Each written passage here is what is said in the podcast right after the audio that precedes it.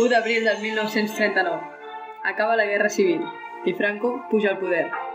Comença la dictadura franquista, que per moltes dones i habitants espanyols voldrà dir la pèrdua de la majoria dels seus drets. Hola, nosaltres som el Cesc, l'Helena, la Lucía, la Carla i el Dídac i parlarem sobre el paper de la dona al franquisme.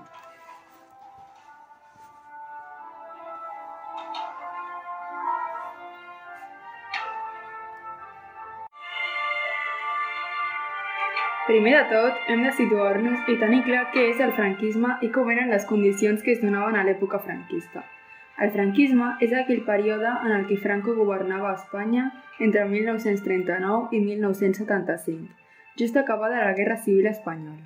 En aquesta etapa, Espanya es va sometre a la dictadura de Franco i es van prohibir molts drets, creences, maneres de fer, etc.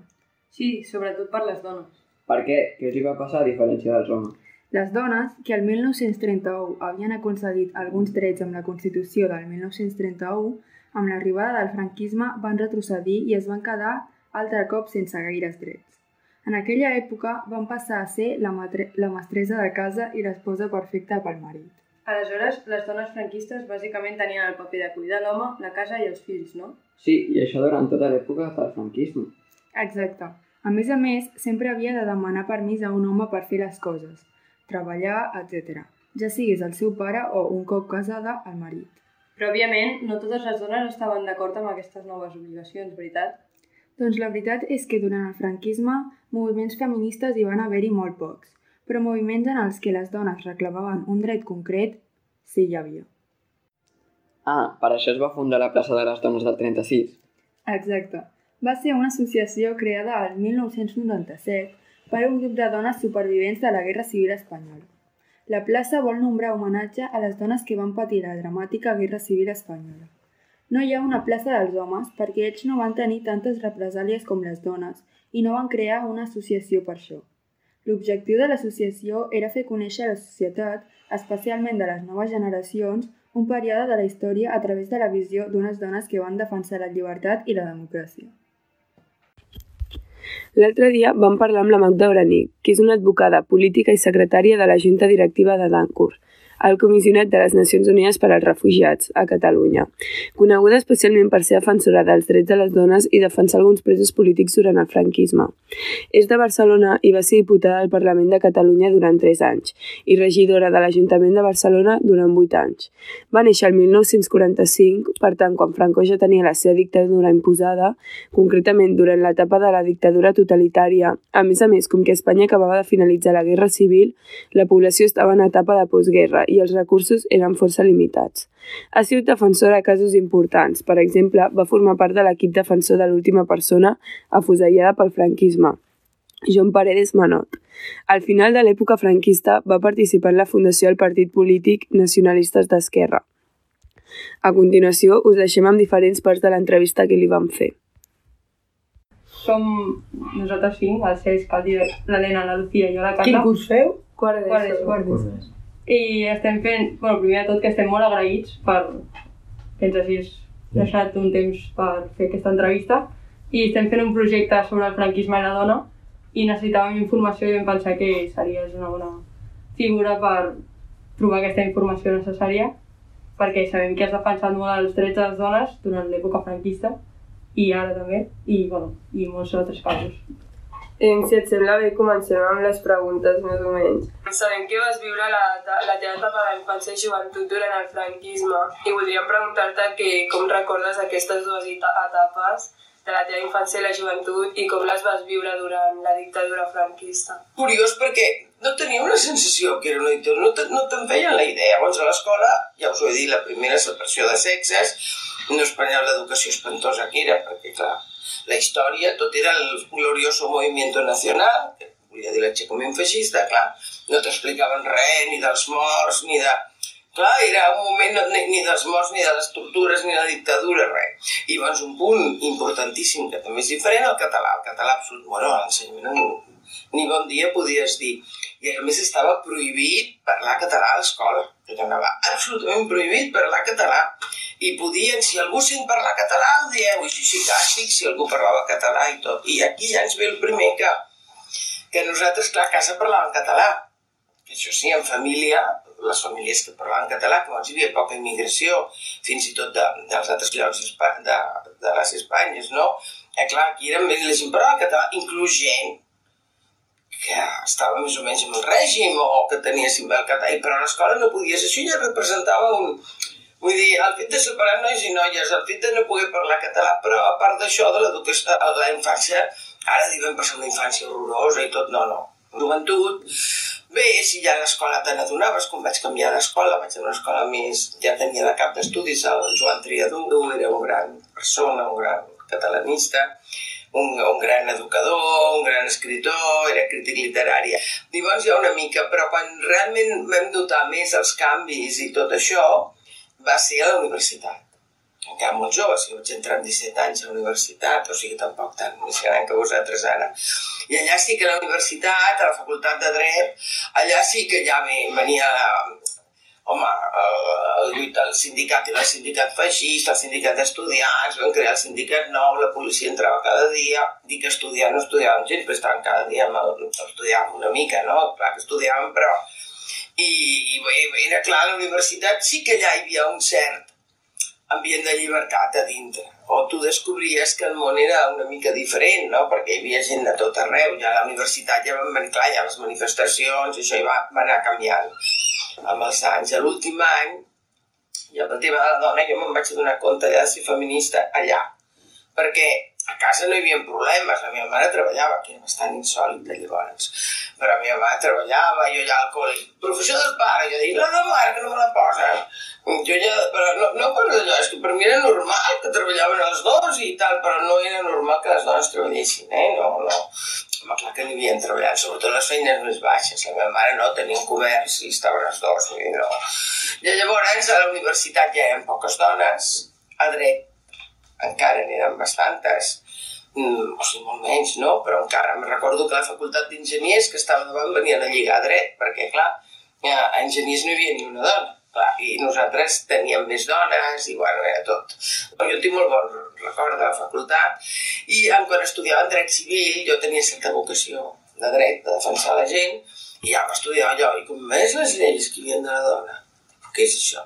Que clar, a la vida normal a casa la meva família les lleis no s'aplicaven, m'entens? No s'estudiaven, però clar, quan les coses anaven malament i a determinades famílies sí que era horror, la dona obligació d'obeir el marit, no podia fer absolutament res, necessitava permís del marit per obrir un compte corrent, per heredar dels pares, bueno, era tot tot la violència domèstica dins tractar el marit era el déu del món, el pare, que l'home que trobés el marit amb una, a la dona amb una altra i els mateixos els dos anava dos de desterrament a Sabadell mig any, bueno, eren, una, eren unes lleis que feien per a por, la dona no podia obligar-se ni firmar contractes, i això jo ho vaig descobrir segon de dret. I vaig anar a preguntar, però us n'adoneu d'això? I mos, oh, bueno, ja se sap, però com que se sap? Què és el que se sap? I, i allò a mi em va, o sigui, allò a mi em va portar molt, no?, dir, però això què és? Perquè, clar, bueno, no s'aplica, no s'apliquen fins que no s'aplicaven, després amb l'exercici del dret, i tant que s'aplicaven. I jo vaig estar a la universitat, també el maig del 68, no sé si heu sentit parlar del maig del 68, va ser la gran alliberació, que després no va ser tant, però va ser important com a canvi social i sobretot per la, per la dona, perquè el maig del 68 és la primera vegada que es va parlar molt de la qüestió dels drets de la dona, que, cuidado, jo no dic que comencés llavors, ja s'havia parlat a l'època de la República, ja la Clara Campoamor ja va tenir la batalla pel dret al vot de les dones. Cert és que les dones a la República van tenir moltes més llibertats, es van canviar les lleis, sobretot el Parlament de Catalunya, que va tornar a estar, no es van canviar les lleis. Però, clar, dir que les dones són un desastre, els homes també. Vull dir, és veritat. Una dictadura és dolenta per tothom Sí, que dins com de l'etapa de dictadura era una infància i joventut com injusta, però que alhora no, no eres com tan conscient de, Exacte. de tot. Sí. Um, bueno, sabem perfectament que els matrimonis de l'època franquista eren injustos i bueno, volem saber una mica la teva opinió i hem fet unes quantes preguntes, doncs. Um, si tu no estaves a gust amb el teu marit, et podies separar? A veure, d'entrada et foties, però separar sí. O sigui... I quines conseqüències tenia? Sí, a veure, el divorci sabeu que no... no la llei de divorci va ser l'any 81. No. Però no et podies separar Però sí que la separació sí que existia, a la teoria, perquè la pràctica era els començar el franquisme. A veure, jo feia separacions amb el franquisme, vull dir que això que diu la gent no et podia separar, sí que et podia separar, no divorciar. I estava obligat, era obligat a seguir fidel al marit, espera, que, que o sigui, clar, tu et separaves i 20 anys després no podies ni... Igual. Si no, com, sí que et podies separar, però tenien que intervindre obligatòriament, no podies ser el jutge civil, sinó els tribunals de l'Església perquè només si no t'havies casat per l'església, que estava prohibit no casar-te per l'església, amb la qual tenies que acabar els capellans. A veure, a la cúria. A la pràctica, molta gent no tenia diners per separar-se, perquè aquestes dones no treballaven, no tenien independència econòmica. Hi havia causes que no us ho podeu ni, ni imaginar, per exemple, que la dona era culpable si no havia accedido al dèbito conjugal el débito conjugal volia dir obrir de cames quan, quan el volgués i punt. Els que veiem, no parli amb aquell llenguatge, doncs com vol que li digui, mossèn? És que clar, i llavors, aquesta dona que no s'havia obert de cames perquè l'havia maltractat o perquè no tenia ganes, a veure...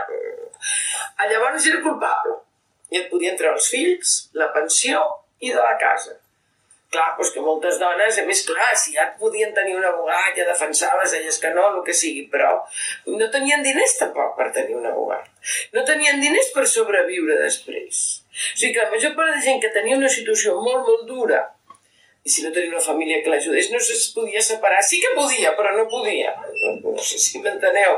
A la pràctica, perquè clar, hi havia les criatures, i llavors era obligatori en aquell moment que les criatures d'un a set anys anaven amb la mare i de set més endavant amb el pare. Això va tot un primer moment. Bueno, els pares, llavors, no sabien fer res. Perquè, clar, els homes heu canviat, ja heu canviat molt, i per mi mm, jo veig els fills de però aquella època els pares entrar a la cuina, bueno, no sabia fer res. Doncs estava condemnat i en presó. L'adulteri de la dona, no el del marit. I llavors, jo sé, tu només ho feia gent rica, no sé per què sempre els enganxaven allà una tovallola, bueno, delicte, la presó, la dona, bueno, una cosa. El de l'home no ho deien, però de fet estava quasi premiat, no?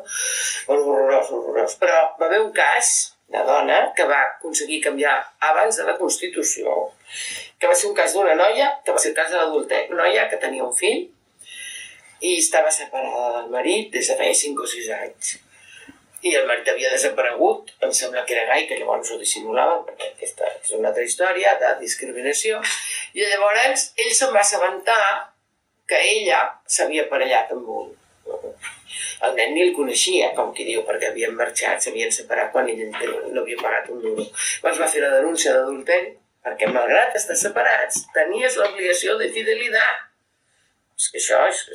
I llavors la va denunciar i sí, sí, ordre de presó. La van voler detindre perquè va tocar el jutge més fatxa de tots els jutges, que ja és molt dir, i, i la detenien, li treien el criu, li treien tot, vull dir, tot. Per això sí, la llei hi havia, el Codi Civil és de 1888 i ja preveia la separació. Però, per exemple, una causa era que te obliguen a canviar de religió i en canvi, l'adulteri del marit no era causa simplement que t'obliguin a canviar de religió. Jo no he tingut cap cas de bueno, no sé qui podia fer-ho, deixar de fer-ho. I llavors sí que es podia, però amb aquestes condicions. I els maltractes sí, estaven castigats si hi havia cosa greu, però inclús que la mateixa era pena de destierro, que anaven a, a Sabadell a una terrassa a mig any i havia passat. Vull dir que clar, és que tot era una altra mentalitat. I la dona tenia obligació d'obeir el marit segons el Codi Civil, que això no ho van treure, que no me ha obedecido, la de Dios, que no me ha obedecido, ah, claro, claro, m'entens? És així. I si el teu marit et maltractava, això. tu el podies denunciar o què podies fer? Sí, tu podies denunciar, anaves a una caserna de la Guàrdia Civil, no se't quedaven a tu de casualitat, perquè a més de voltes les, les convencien. Com vas a denunciar al padre de tus hijos? I sortien plorar, m'entens? Però si poguessi Alguna condena va haver per al franquisme algun marit? Sí. Poques, poquíssimes. Perquè la idea era, ell era dictor de fora i a casa podia ser l'altre. Que el Codi Penal ja dic, el 428, l'article, quan jo vaig començar a estudiar, es va anar una mica, per exemple, això que podia matar la dona, eh? I només tenia desterrament, ho van canviar quan jo estava a l'últim curs que jo feia, o sigui que tampoc és que, que fos sempre. Bueno, clar, jo vaig acabar la carrera el 68, vull dir que encara quedaven bastants anys de dictadura. Però sí que estava castigat, però s'aplicava molt poc. La dona tenia que obeir el marit, si t'insultava això no estava castigat, si tu insultaves el marit és com si insultaves el mestre, m'entens? Vull dir, és que tot era una mentalitat masclista total. La dona no podia firmar un contracte. M'entens? No podien obligar-se que era firmar contractes. Els bojos, els que no sabien llegir i escriure, els sordmuts, els subnormals i la dona casada. Perquè ells llavors van fer una distinció important, això sé, que era entre la dona i la dona casada. Llavors li van donar drets a la dona, tots no, però per igual, i cap a la dona casada. Entens? I així seguien amb el rotllo carca, però van distingint i deien a nivell internacional. No és a la dona com a dona, per sexe, sinó és perquè al casar-se tiene que haver una autoritat. Aquestes coses dic en castellà perquè en català ja és un sacrilegi. La que la, la religió, la biologia i la història, tal qual, eh? La llei, conceden al marido. O sigui, ja era la biologia i la història. Ells aquest canvi el van fer així fonamental, a partir dels 60, entre la dona i la dona casada. Bueno, la dona casada era la que tenia menys drets, entens? Tot ho havies de firmar i tal. I llavors, la majoria de dones hi havia molt poques separacions. Per què? Per, per la situació. Clar, i si la dona no treballava, què, què feia? A més, la dona només podia treballar si el marit ho autoritzava, clar. I podia cobrar el seu sou si el marit no el volia cobrar ell. És que, clar, és que si seguim, tot era així, no?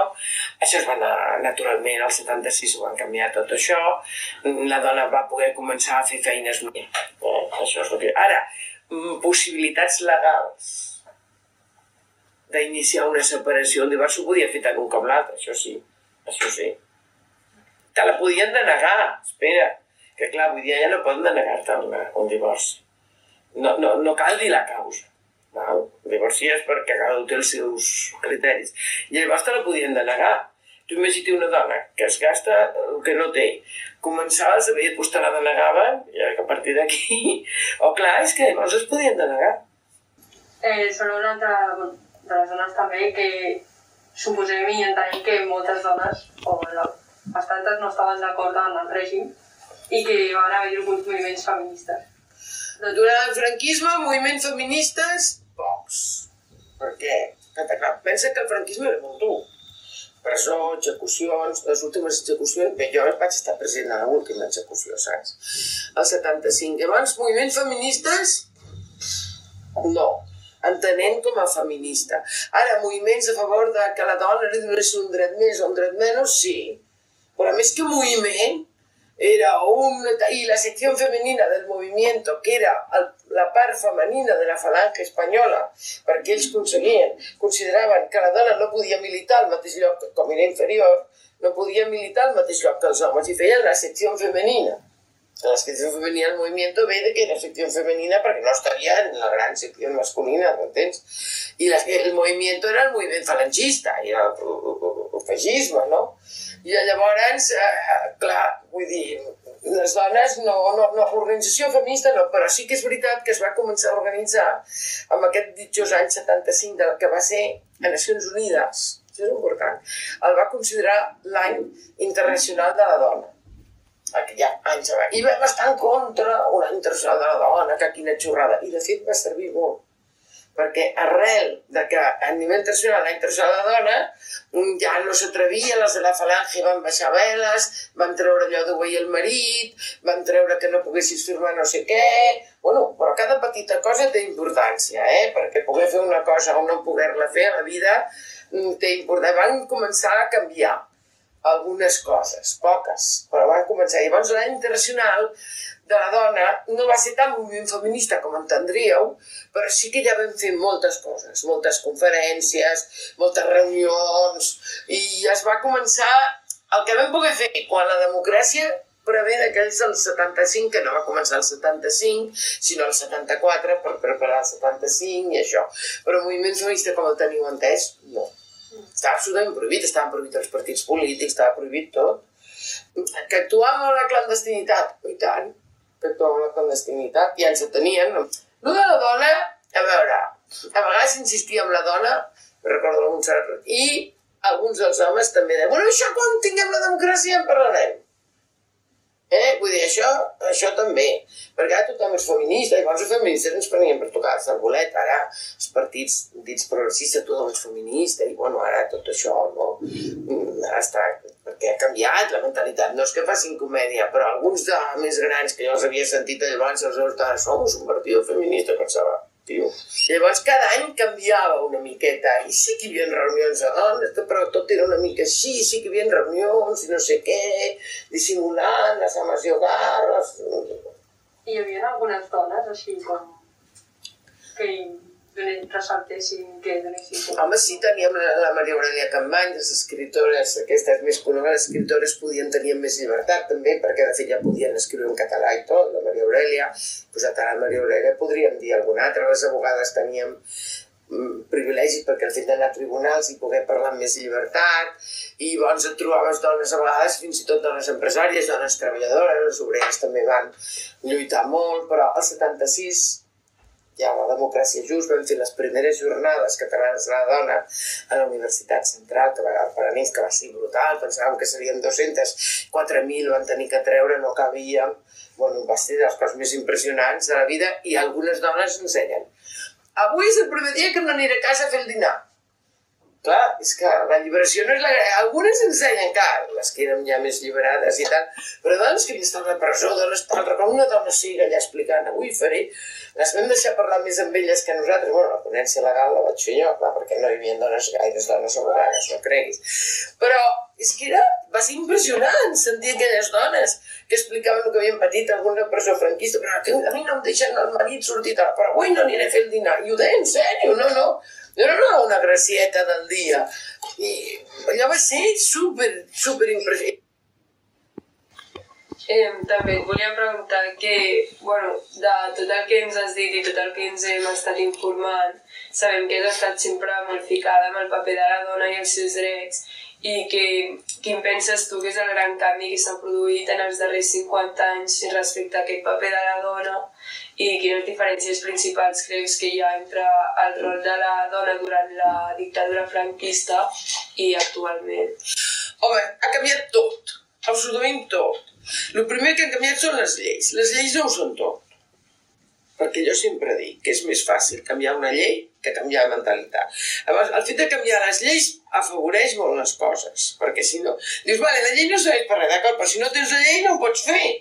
Llavors, les mentalitats ha costat molt com el tema de l'homosexualitat, tot, tot, el servei militar, que vosaltres ja us en lliureu, bueno, ha canviat tot, clar, però el que ha canviat bàsicament amb totes les mancances de la democràcia actual, que en té moltes, i per mi, mm, com a català independentista, encara més, però fixeu-vos que totes les lleis han canviat, el fet de canviar, que ha sigut apassionant viure per edat, d'una dictadura a una democràcia, canvia tot amb totes les mancances de la democràcia actual, eh, que ens pensàvem que seria millor, d'acord. Però vulguis o no, el, el canviar d'una democràcia és que canvia absolutament tot. I els drets de tothom, dels homes també. Ara, com la dona estava més oprimida, doncs clar, ens ha canviat més i han canviat les mentalitats bastant, encara que no suficient. I les dones s'han imposat del tot, les dones han guanyat en aquest sentit, perquè et deien no, no, i les dones han començat a treballar, algunes per necessitat, no per ideologia, però el fet de que les dones s'incorporin al món del treball també ha canviat tot. Després, a la democràcia, naturalment, el canvi fonamental que jo veig moltes coses és la intervenció de les dones en la, a la part pública. I, i llavors, clar, o sigui, els homes no havien entrat al món privat, que jo sempre deia, la diferència de les dones en el franquisme al llarg de història. Les dones vam entrar al món públic, és a dir, ja treballàvem, ja, i els homes no havien entrat al món privat, ara sí. És igual, ja sabem que menys que les dones, ja sabem que les coses no estan tan bé, a mi no em feu cas, molt optimista, ja sabem. Però, home, el canvi ha sigut espectacular. Vull dir, és veritat, vull dir, i avui dia hem aconseguit que la violència de gènere no sigui una cosa privada que no s'atrevia a venir a declarar la veïna, sinó que avui dia sigui un tema públic. Que abans era un tema privat, era un problema d'aquella senyora que el marit l'hostiava, punt. I ara no, ara és un tema públic, hem aconseguit que s'interessi la societat, que els homes estiguin també amb les dones, i vull dir, però el canvi fonamental és de lleis, també les mentalitats, però el canvi és de dictadura a democràcia. És que, clar, ara tenim mancances, ens queixem, però, clar, els que han viscut la dictadura, cert és que el canvi fonamental ha sigut aquest. Però també la consciència de les dones. I és un d'aquells de tot està fatal. No, les dones han reaccionat i les dones hem aconseguit aquest canvi. Perquè sense lluita les dones no s'hagués fet aquest canvi. I els homes ara col·laboren, també. O sigui que això, i les lleis de la dona, l'avortament, que és el tema que influeix com a dona, no. Espera't, que l'avortament l'han volgut tallar sempre, clar, i nosaltres ja vam tenir que lluitar molt, les dones, que tu preguntaves, pels anticonceptius. Això posa-ho també com a coses que han ajudat a la dona. El fet que hi hagi un anticonceptiu lliure i públic és brutal, el dels anticonceptius. Els anticonceptius ha sigut per l'alliberació de la dona importantíssim. Vosaltres no heu viscut aquella època. I avortament prohibit i dones mortes avortant. Vull dir que l'avortament ells el volen tornar a... com als Estats Units, que ara a Texas, allà on guanya el Trump, també a Texas l'han reduït. I l'avortament és molt important eh, pels drets de la dona. I també et volíem preguntar que en quin moment vas veure que podies defensar les dones amb les teves paraules, o sigui, què et va fer... Quan vaig acabar la carrera, ho vaig veure, no vaig tenir cap dificultat a col·legiar-me. Quan jo em vaig col·legiar abogada érem un 1% de dones abogades, eh? Un 1 i mig, per ser més exactes. Vull dir que, clar, era món, anaves als jutjats i esta senyorita bueno, un horror, perquè de, de què abogado viene? Jo, no, no, soy jo. Però jo vaig tenir, jo sempre vaig tenir consciència que podia defensar la gent des de petita, eh? De, a, defensant. I les dones ho vaig veure claríssim, que tot allò s'havia de canviar, que tot allò no podia ser, i, i vaig tenir abans el dia que vaig anar a buscar el meu títol d'abogada, i el dia que vaig acabar els estudis i em vaig col·legiar, va ser una cosa no però jo ho vaig considerar que era molt important i em va semblar. I després doncs, tingut el privilegi de poder exercir tot allò que jo havia somiat haver-ho fet. No sempre allò tan maco que et penses, però sí, efectivament, haver-ho haver, -ho, fet. I quines conseqüències vas tenir? Home, no jo, tota la gent que es va incorporar al món de, de no, l'advocacia de Trepos, clar, les conseqüències sigut molt bones. Però no per la meva feina, sinó per la feina de, de tothom i també molts homes han defensat. Eh, o sigui, tampoc era una lluita de les abogades contra els abogats mai. No és sempre, doncs he tingut tota la vida el recolzament de tots els meus companys, sempre. Jo sempre els dic a les dones que els homes no canvien res. Perdó, el dret al vot ens el van donar, per, el, van, el vam obtindre en parlaments d'homes. Si no, no tindríem el vot enlloc. Amb aquesta filosofia, clar, M'entenc? El, el, el vam obtindre en parlaments formats per 90 i per cent o el 100% d'homes. I homes que se la van jugar i que, eh, no aquí tant, aquí també, però vull dir, arreu del món, eh, amb parlaments a favor de les dones perquè si no aconseguíem tenir els homes és que no podia ser, i a més és que és així que ha de ser, tu no pots estar amb algú que t'estimes que és l'enemic, han d'allà. Vull dir, i abans les coses han canviat per això, llavors les conseqüències han sigut bones, no a nivell de... Home, el fet de poder canviar lleis, exercir els tribunals, que no només és la llei que estigui bona, és que s'apliqui. Perquè hi ha moltes lleis de llibertats que no s'apliquen, m'entens? Ara tornen a tindre per qualsevol xorrada eh? però, però això i bones conseqüències, naturalment, amb la qüestió de la dona sempre han millorant i en aquest sentit no hem fet passos enrere. Val. Eh, doncs sabem que vostè va estar... Eh, ja pots dir de tu, eh? bueno, sabem que vas estar en una presó durant un temps. Sí. Eh, aleshores, ens podries explicar quin va ser el motiu? El, jo me'n van detindre per l'Assemblea de Catalunya, bueno, algunes vegades per manifestacions, però la vegada que vaig estar més temps per l'Assemblea de Catalunya, que era com un parlament clandestí, val? que ens reuníem, per això preguntaves allà, feminisme poc, però ens reuníem i era uh, com un parlament clandestí i ens seguien perquè l'assemblea la primera ens va detindre la policia però poc i llavors la vam fundar una mica com les urnes ara que no se'n van assabentar una església d'acord amb el capellà bueno, ens van, bueno, a les golfes tancats hores, bueno, és igual, ara no, no explico la fundació que aquests dies la sentireu molt a la tele i als diaris perquè fa els 50 anys aquest diumenge. I vinc a xerrades, si vaig a col·locar llavors ens van detindre, bueno, una cosa que en qualsevol democràcia no passa. Vosaltres sou culers, alguns de vosaltres? Sí. Val. Pues ens van detindre, ah, jo també, eh, molt. He estat a la directiva i tot en moments millors que l'any dels sis títols, i era jo. El, ens van detindre el 28 d'octubre del 73, el primer dia que jugava Johan Cruyff, el primer partit oficial, que va ser contra el Granada i vam guanyar, em sembla que 4-1, no sé, que allà a la comissaria cada gol que feia el Barça els grisos s'excitaven perquè no eren especialment del Barça i em van detindre per això. De fet, teníem una última pregunta relacionada amb la frase de que has dit abans és més fàcil canviar les lleis que els pensaments. Això és la clau de, amb lo de la dona, amb tot, mm. però lo de la dona sobretot mm, com el moviment gai el mateix, perquè pots dir que els gais són no sé què, si hi ha una colla de gent que se n'en fot, per això ara estem amb el tema aquests d'odi, de discriminació, de, de tot el que hi ha. Eh? Llavors, jo crec que moltes coses de la dona, durant el franquisme, al final, la societat anava per sobre les lleis. Mm. Que és el que jo us he dit, a la família i tot, el meu avi, el meu avi la feia obeir, bueno, i ha les famílies normals, eh? no calia ser feminista. I la, la societat anava aquí, la llei aquí, però després hi ha hagut un moment que les lleis van passar clar, la democràcia, tota aquella força que teníem i tal, anaven cap amunt i molta, a molts llocs la, la mentalitat encara no havia canviat. Les coses no canvien d'un dia per l'altre. Canvia la llei. I veus que la pràctica és, és, és, i llavors un dia dius, i quan ha canviat? I has vist que a poc a poc allò ha anat canviant. Bueno, doncs fins aquí l'entrevista amb la Magda Uranic. Eh, la veritat que va ser una experiència molt bona d'haver pogut estar amb una advocada del seu nivell i que hagi viscut, viscut el franquisme de primera mà. I ara us deixarem amb un tros d'un diari que vam trobar navegant per internet. Gràcies. Dia 8 de febrer del 1940. Avui m'he despertat una hora abans de que el meu marit anés a la feina per tal d'arreglar-me i preparar-li l'esmorzar. Després vaig despertar el meu marit i els meus fills i van anar directament a esmorzar a la taula. Un cop van acabar, el meu marit se'n va anar a treballar i jo, mentrestant, vaig fregar els plats i vaig ajudar els nens a canviar-se.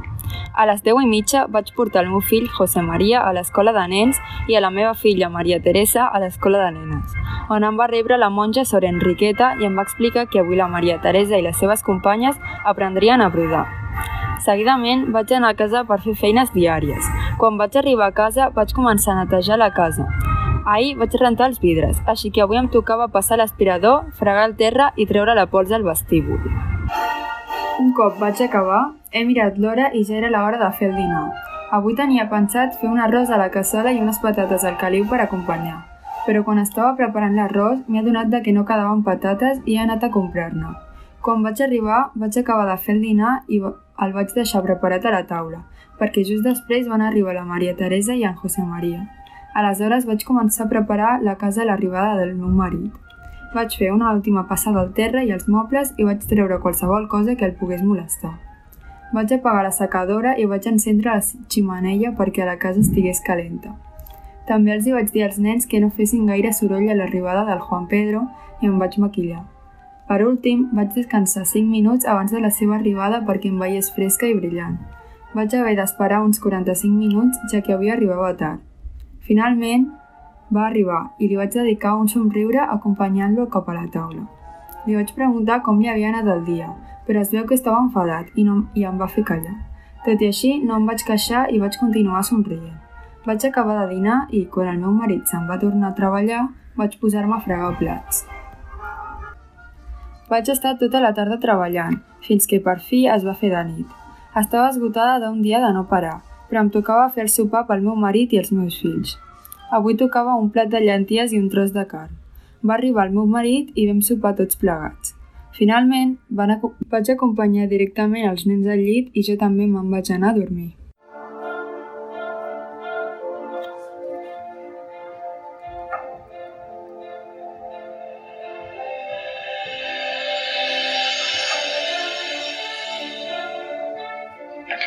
Les dones a l'època franquista van patir molt, però per sort, un cop arribada la democràcia, van recuperar tots els seus drets. I ara el masclisme està molt més reduït. Gràcies per escoltar-nos. Fet per el Dida Plancher, l'Helena Peris, la Carla Calzada, el Cesc Ferrer i la Lucía Cañizares. I moltes gràcies per haver-nos escoltat i per tota la vostra atenció. I també agrair als col·laboradors que ens han ajudat a fer aquest podcast. Marcel Duran, Ricard Roig i Marc Doranic. Moltes gràcies. Gràcies per escoltar-nos. Adeu. Bye.